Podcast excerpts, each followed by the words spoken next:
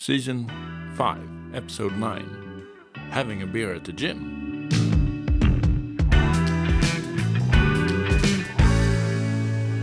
This episode name might surprise you a little bit, and it might be better to be called Setting Your Conversations Up for Success. Mm. Because having a beer at the gym or just before you go to the gym for a workout seldom makes for the best session of the year. And what do we mean by all this?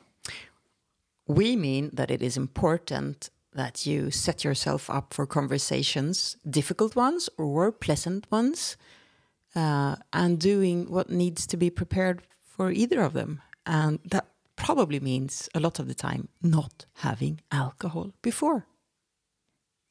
Taking your time to, to plan for a conversation. Or prioritize to uh, have time for it. Yeah. So, not just for the context or the t- content that you are going to talk about, but also when during the day is a good time for both of you. Are you more um, mentally prepared in the mornings, or is it after work, or when during the day is the best for you to have a conversation? Yeah. We think that quite often people do all their chores and they fix with the kids and the food and uh, the work and then they have a glass of wine because they deserve it and, and have done all the stuff they need to do. They just forgot one small important task of actually having uh, some communication time with their partner. Mm. and doing that that after the drink maybe isn't the best time if your brain is distorted and scrambled enough as it is with inner thoughts and discussions, and then adding a bit of wine or beer to that, maybe doesn't put you into the best position. No. Try to have the conversation without the alcohol, perhaps earlier in the day. I would also suggest that stress also affects you the same way as alcohol does because it takes you away from the prefrontal cortex and you can't really be logical or reason with No, yourself or your partner. So if you feel too much stress, then you should also avoid having that kind of conversation. Exactly. You might have another conversation. You Yeah. might need a, a stress-reducing conversation with your partner, or some some love or support from them, but maybe not uh, a developing conversation, if you want to put it that way. No, maybe not a difficult one. No. So stress definitely doesn't uh, put you in a good position either. And you've probably been brought up somewhere as well with environments. Interesting to look back and see if you think that your parents or in where you grew up, how conversations were done there, or was there too much drink involved there too often, maybe?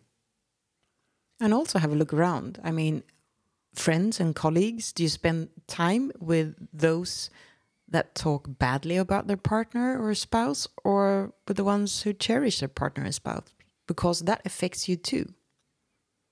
yeah, if what you have in your mind and, and ringing in your head is just people talking badly about partners, Then you get annoyed and then you are not set up for successful conversations.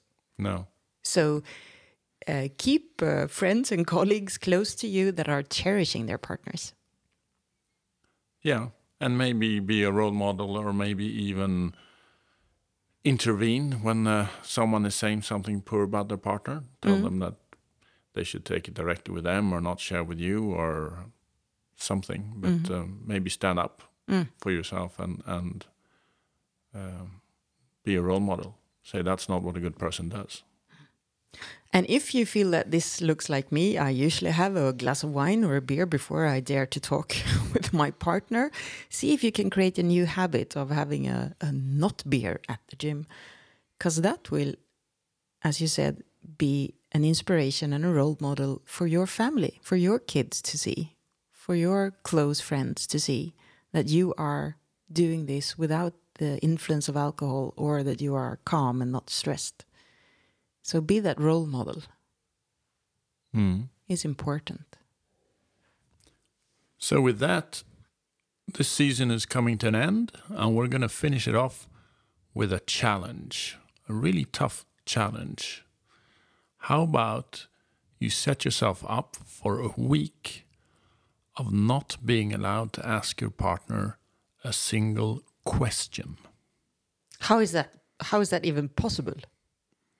It can be done, but you're going to have to think about what you say and what you do. So, um, have we done this yet? No, we No, haven't this- tried, but this- I would like us to. This is on our to do list. It's going to drive us crazy, I think. And it will be a week of stating what I want instead of asking questions. Would you like to have this for dinner? You have to say, I would like to have fish for dinner. Yeah. So, just a complete different mindset of your questions and, and your wants and needs. Is there anything else we want to sort of remind everyone of in this last episode? Yeah. Spread the word of this pod and our um, all episodes. The previous ones are in Swedish. This is our first English season. Uh, give us some feedback if you wish. And uh, if you have any questions for future seasons, you're welcome to contact us on all the usual links that are available in the show notes. Yeah. Follow us, share us. And also, a great reminder communicate to build a strong love bond and not break it. That is what communication is all about. Spread the love. Thank you. Bye.